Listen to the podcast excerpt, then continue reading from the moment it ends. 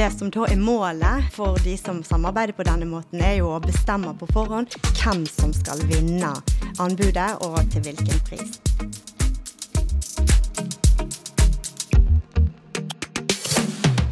Hei og hjertelig velkommen til en ny episode av Anskaffelsespodden, en podkast fra advokatfirmaet Simonsen Fogtvik, hvor vi tar for oss aktuelle anskaffelsesrettslige tema for å gi deg som lytter en faglig oppdatering innenfor offentlige anskaffelser. Ta med deg podkasten der du er, gjerne ut på tur. Takk for at du lytter til Anskaffelsespodden. Vi håper å gi deg nyttig faglig påfyll på en kort og konsis måte. Jeg heter Nina Sørensen og er advokatfullmektig i Simonsen Fogtvik. Jeg jobber i all hovedsak med offentlige anskaffelser, og bistår både private og offentlige klienter med problemstillinger knyttet til regelverket.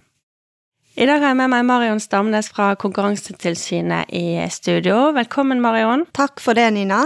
Konkurransetilsynet sitt samfunnsoppdrag er å bidra til effektiv ressursbruk ved å fremme konkurranse til fordel for forbrukerne og næringslivet i de ulike markedene i Norge.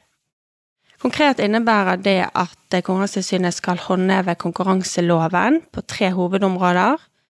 Eh, ulovlig samarbeid, misbruk av dominerende stilling og fusjonskontroll. Og I dagens episode så skal vi gå nærmere inn på det første eh, av disse områdene jeg nevnte, ulovlig samarbeid. Det har en klar forbindelse med offentlige anskaffelser, i den forstand at samarbeid mellom leverandørene kan svekke konkurransen. Så veldig kjekt at du vil bidra og snakke om dette viktige temaet, Marion. Eh, så før vi går videre, vil du gi lytterne en kort introduksjon av deg selv?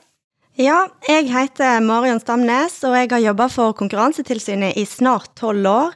Eh, og i denne perioden så har jeg jobba masse med etterforskningssaker. Og det vil si altså saker som gjelder mulige brudd på konkurranseloven sine forbudsbestemmelser. Eh, både dette som gjelder ulovlig samarbeid og misbruk av dominerende stilling. Eh, og i dag så arbeider jeg både for juridisk stab og etterforskningsstab. Og det betyr at i noen saker jobber jeg med den innledende fasen der faktumet skal kartlegges. Vil si fra vi får inn tips til vi går ut og gjennomfører uanmeldt kontroll eller bevissikring, eh, og òg i forbindelse med planlegging og gjennomføring av forklaringsopptak. Eh, og i andre saker så jobber jeg tettere på fasen der varsel og vedtak skal skrives, og òg når eh, vedtak skal overprøves for klagenemnd og domstol. Vi skal bl.a. komme nærmere inn på hvordan ulovlig samarbeid kan være skadelig, og hvordan tilsynet jobber for å avdekke eh, ulovlig anbudssamarbeid. Bl.a. med hjelp fra oppdragsgivere, eh, som har en veldig viktig rolle. Det skal vi komme nærmere inn på. Eh, Marion, kan du først forklare kort når er det snakk om ulovlig samarbeid? Vi vet jo at det er lov å samarbeide på Eh, på ulike måter, men på et eller annet tidspunkt så er det snakk om et ulovlig eh, samarbeid, og hva, hva er det? Ja, Ulovlig eh, anbudssamarbeid det vil jo da være et brudd på konkurranselovens paragraf 10. Og det er en form for samarbeid som har et formål eller virkning om å begrense konkurransen. Og grovt sett så kan en dele inn i fire hovedtyper av anbudssamarbeid. Men eh, det her er viktig å understreke at det er flere av disse teknikkene som gjerne blir brukt samtidig. Eh, og det som da er målet eh, for de som samarbeider på denne måten, er jo å bestemme på forhånd hvem som skal vinne anbudet, og til hvilken pris. Og det vi ser, er jo for det første dette som gjelder fiktive bud. Og det er en teknikk som gir inntrykk av at det er konkurranse, eh, men aktørene har jo på forhånd blitt enige om eh, hvem som skal vinne. Og de som leverer fiktive bud, de tilbyr gjerne høyere priser eller eh, betingelser som ikke er akseptable. Så et eksempel her, det er asfaltsaken der tilsynet fatter vedtak i 2013. Og elektrosaken der tilsynet fatter vedtak i 2015. Og i begge disse to sakene så hadde konkurrenter kontakt før tilbudsfrist, hvor de ble enige om hvem som skulle vinne, og utveksla priser seg imellom, sånn at eh, det var mulig å sørge for at den på forhånd utnevnte vinneren mm. Eh, skulle gå av eh, med seieren. Mm, mm. Eh, og ja, asfaltsaken den gjaldt et anbudssamarbeid i Region Midt-Norge i perioden 2005 til 2008. Og elektrosaken den gjaldt et anbudssamarbeid om fordeling av kontrakter som var utlyst på anbud under en rammeavtale om utføring av elektrikertjenester, eh, som var utlyst av Vestre Viken helseforetak i 2010. Og her var det inngått parallelle rammeavtaler med tre foretak. Eh, men under disse så var det òg gitt mulighet til å inngi tilbud i lukka minikonkurranser. Og eh, samarbeidet det førte til at Vestre Viken mottok det de trodde var konkurransedyktige tilbud, men foretakene hadde på forhånd blitt enige om hvem som skulle vinne.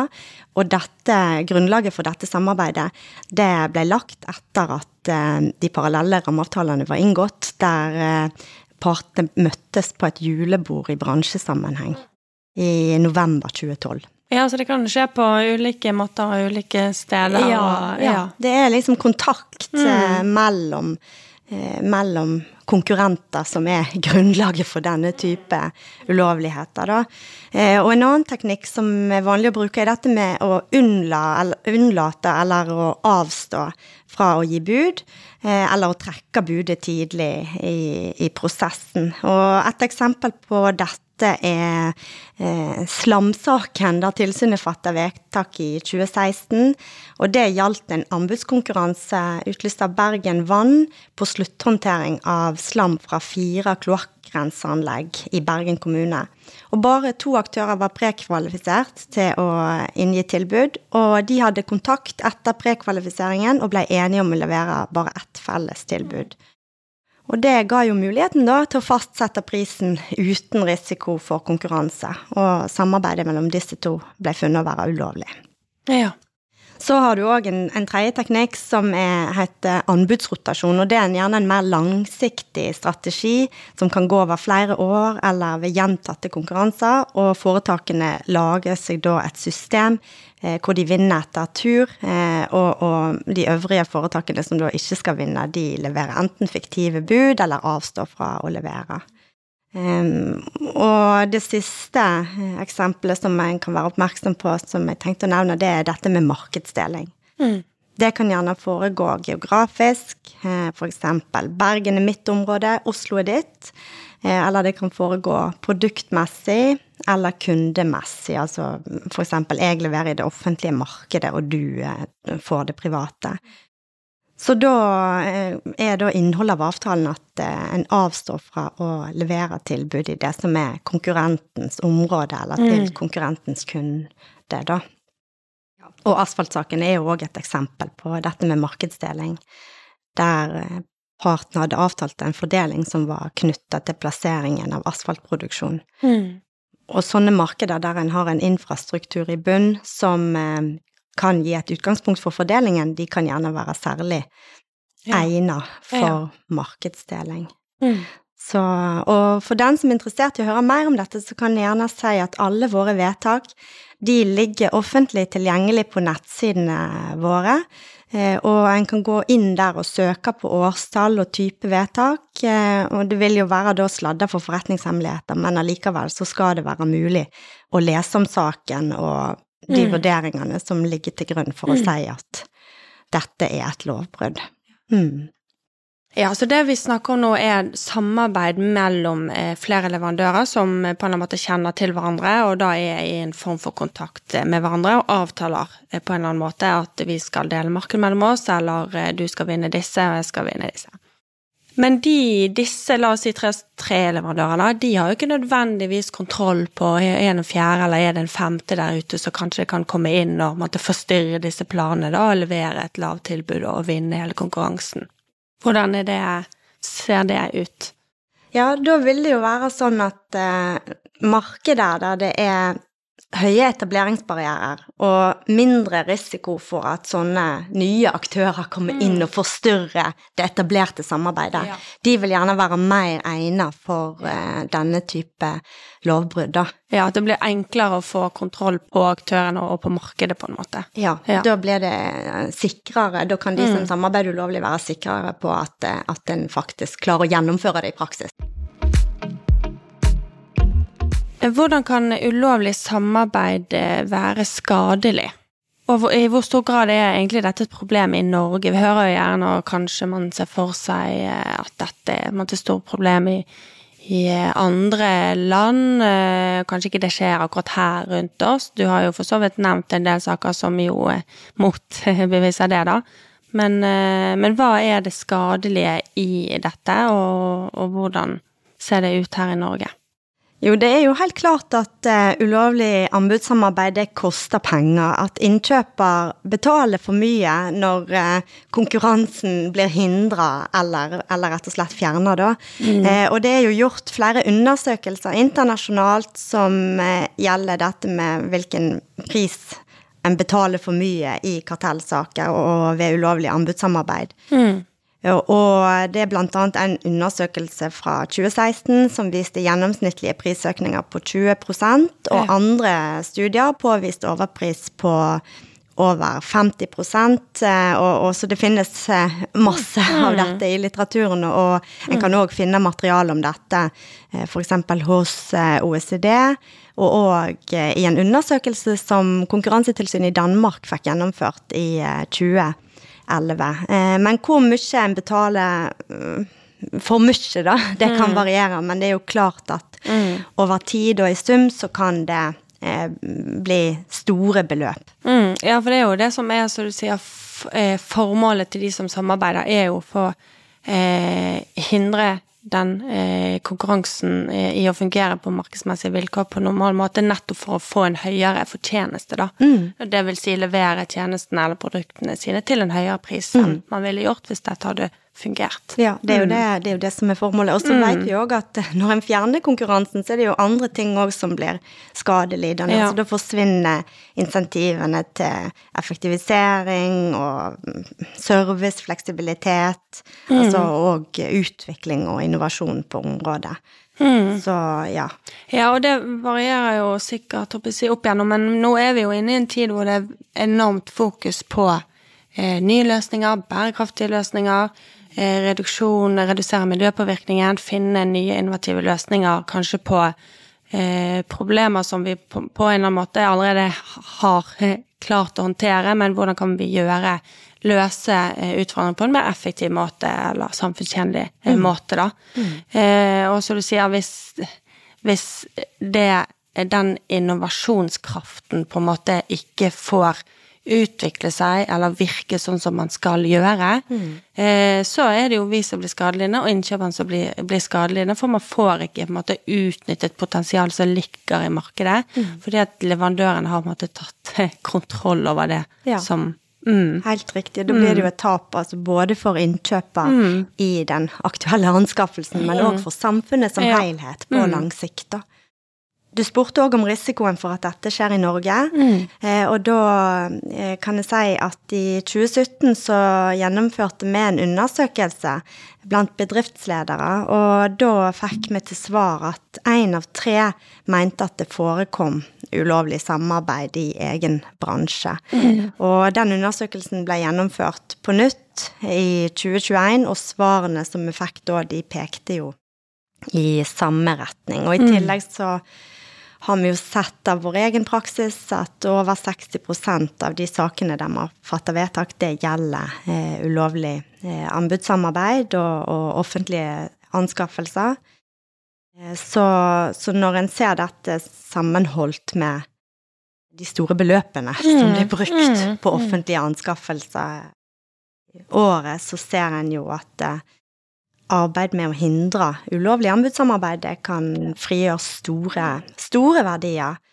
Ja, vi har jo det tallet 600 milliarder som verserer, sant? som mm. er på en måte det man sier at det offentlige kjøper inn for årlig. Og hvis det er sånn at en tredjedel av de innkjøpene der da potensielt er påvirket av en eller annen form Nå er dette kanskje å dra det litt langt, men eh, man kan jo begynne å kalkulere litt her og se hvordan Og hvis eh, Eh, prisøkningene der er type 20 sant? Mm. Så, så, er det noen enorme samfunnstap da, egentlig, ved, ved, disse samarbeidene. Så det er viktig å få, få avdekket. Mm. Ja, for dette er jo penger som en helt klart heller kan bruke til viktige samfunnsoppgaver, ja, ja. Mm. f.eks. innen infrastruktur mm. og utdanning og helse. Ja. Det er jo masse ting det offentlige skal bruke penger på.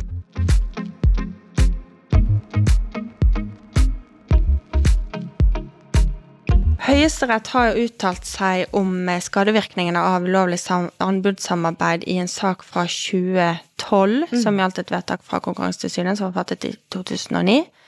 Eh, vil du si litt mer om den, Marion? Den, eh, den, er jo interessant når det gjelder akkurat det vi snakker om nå, om, om skadene på, på markedet. Mm. Ja, denne saken denne gjaldt en anbudskonkurranse på rehabilitering av fem broer som var utlyst av Steinkjer kommune.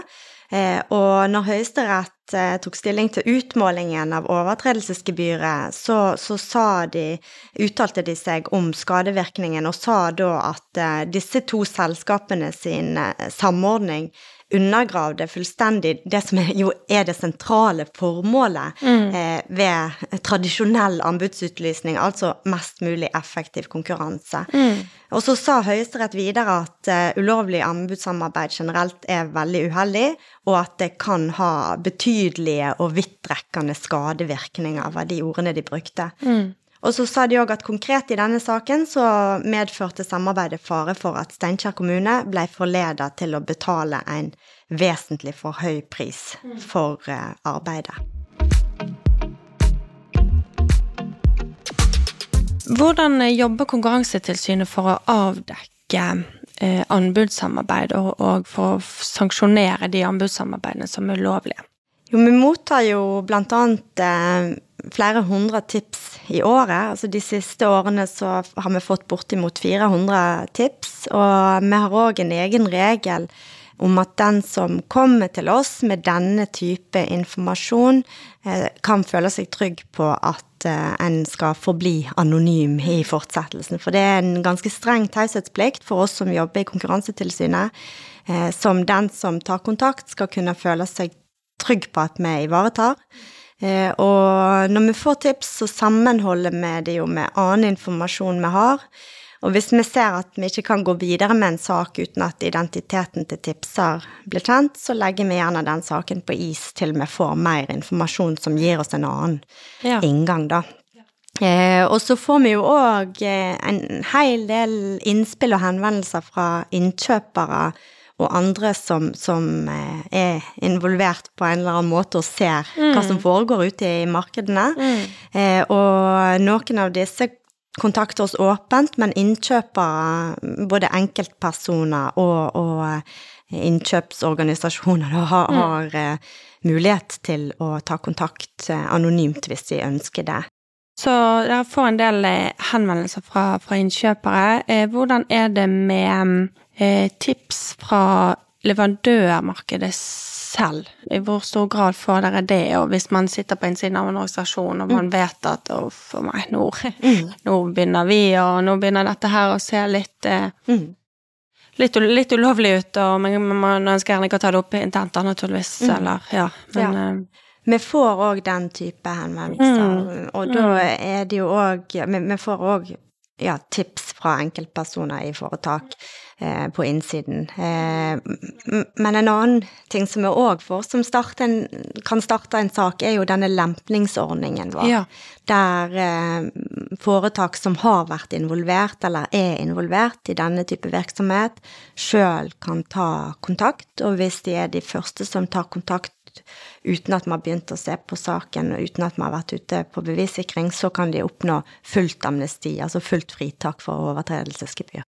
Hvis man som offentlig innkjøper kommer i en slik situasjon, eller lignende situasjon, er det sånn at man må avlyse, og kan man avlyse, må man avlyse konkurransen for å gå til dere, eller kan dette skje parallelt, mm. eller sånn i praksis, hva, hva skjer hvis man kommer med informasjon? Ja, det er et veldig godt spørsmål. Det er jo et spørsmål som vi ofte opplever at de som tar kontakt med oss, sier at de har lurt veldig på på forhånd ja. før de tar kontakt. Mm. Så eh, det som vi sier da, er at eh, vi, vi blander oss ikke inn i og vil ikke forstyrre innkjøper sin anskaffelsesprosess. Nei. Altså mm. innkjøper har kontroll og styrer den prosessen sjøl, eh, og tar de beslutninger i forhold til det som innkjøper ønsker å gjøre. Som ja. innkjøper ønsker å avvise og lyse ut på nytt. Det, det bestemmer innkjøper mm, sjøl. Mm. Eh, men mens vi, når vi ser sånne ting og får, eh, får sånn, den type informasjon, så vil vi jo da gå inn og undersøke og kartlegge og finne ut om dette faktisk innebar at innkjøper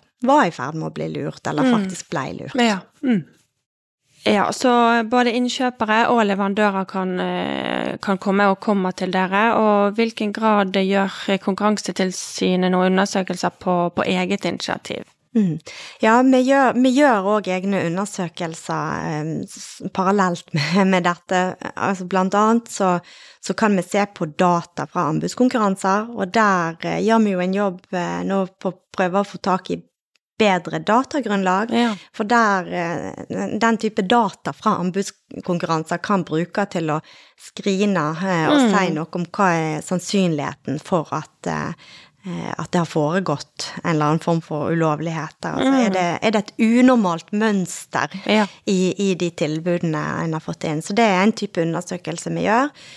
og så gjør vi òg egne undersøkelser der vi er ute og tar kontakt og undersøker på nettet og ja, mm, diverse andre mm, metoder. Sånn at mm. vi sitter ikke bare og venter. og venter nei, nei, nei. Vi, vi, må være ute sjøl og, ja, ja. og, og undersøke.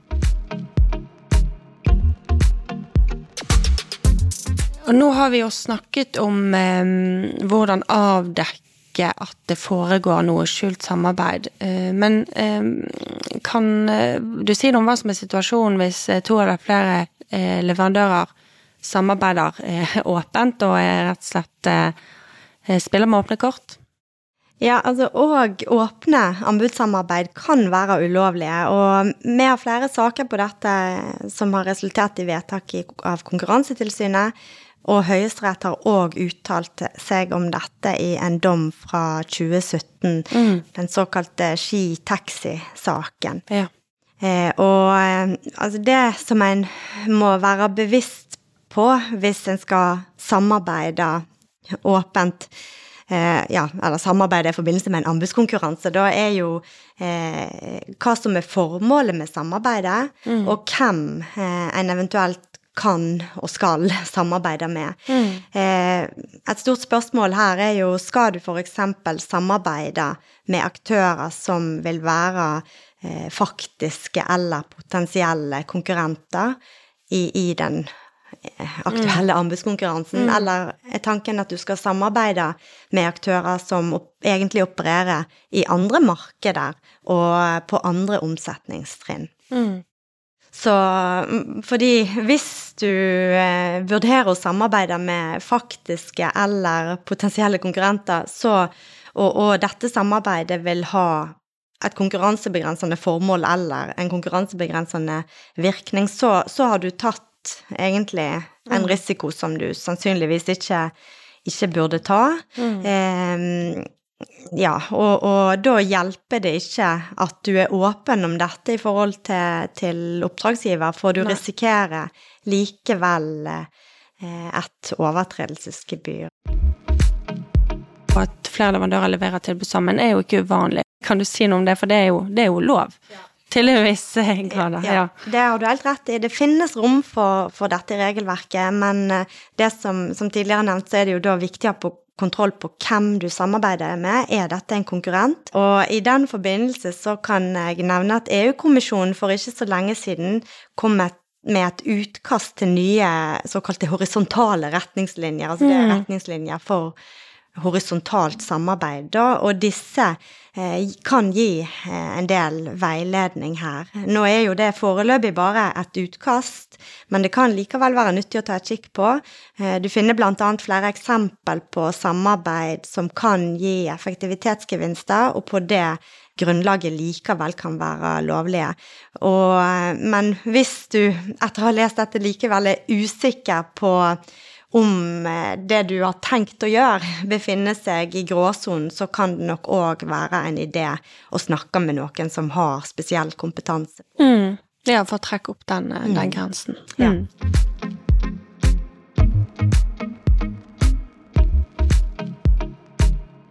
Da skal vi litt tilbake til innkjøperens rolle. Som, er, som vi har nevnt, det er veldig viktig at eh, innkjøpere som, som mottar tilbud, er eh, våken, og òg oppmerksom på at det kan, det kan foregå ting som, eh, som, leverandørene ikke ønsker at blir eh, oppdaget. Kan du si noe litt mer om innkjøperens rolle? Ja, Innkjøper har jo en veldig viktig rolle, for det er jo dere som jobber med innkjøp som har eh, direkte innsikt i markedene og ser eh, hva som faktisk foregår mm. der mm. ute. Så, så, vi har jo fått avdekka flere saker ved at eh, innkjøpere har vært våkne og, og kontakta oss. Og vi ønsker gjerne at dere skal følge med på hva som foregår, og, og ta kontakt hvis dere opplever at det er noe som skurrer. Mm.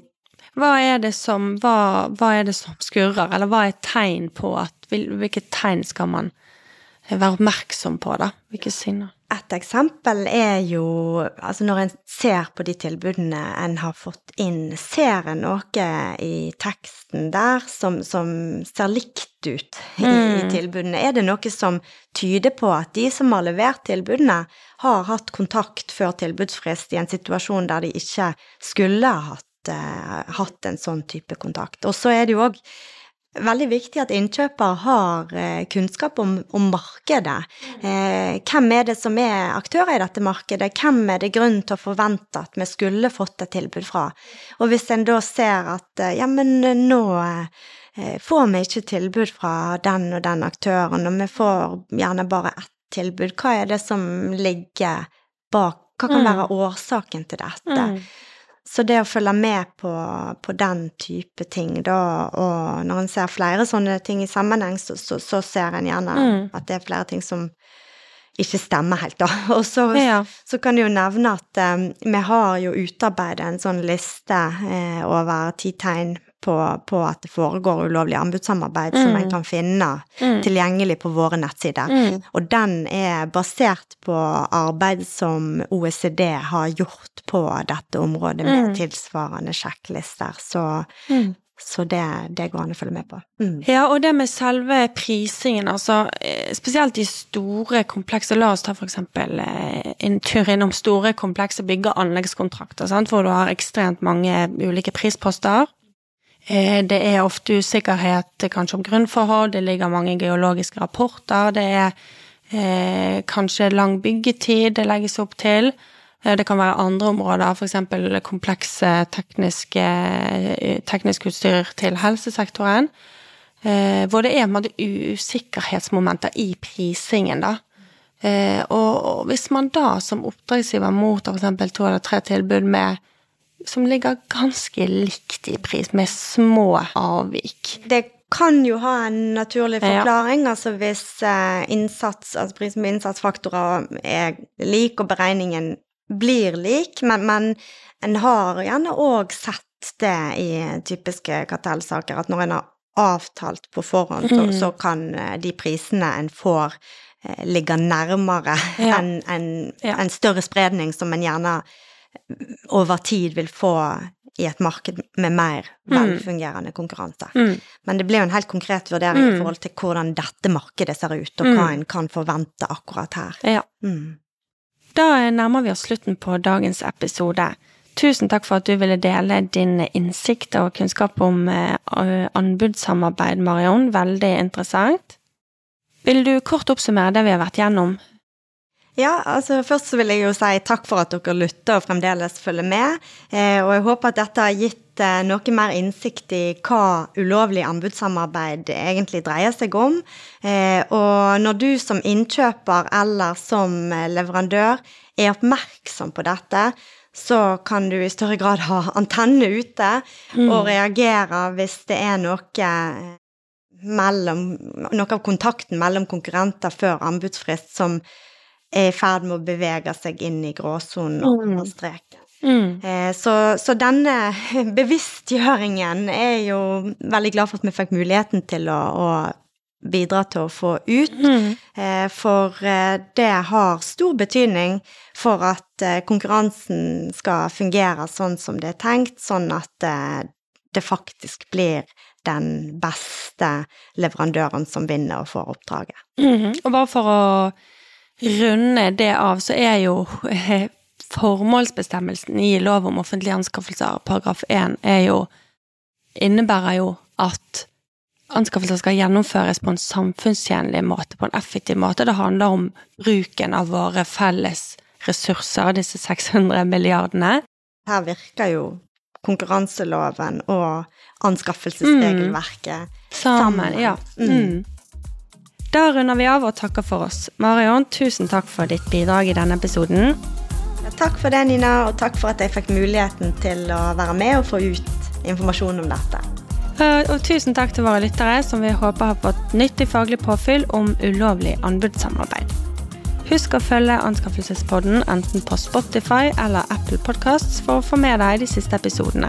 Har du spørsmål til Anskaffelsespodden eller temaforslag, send oss gjerne en e-post til podkastalfakrøll.svw.no. Kjære lytter, jeg ønsker deg hjertelig velkommen til neste podkastepisode. Ha det bra!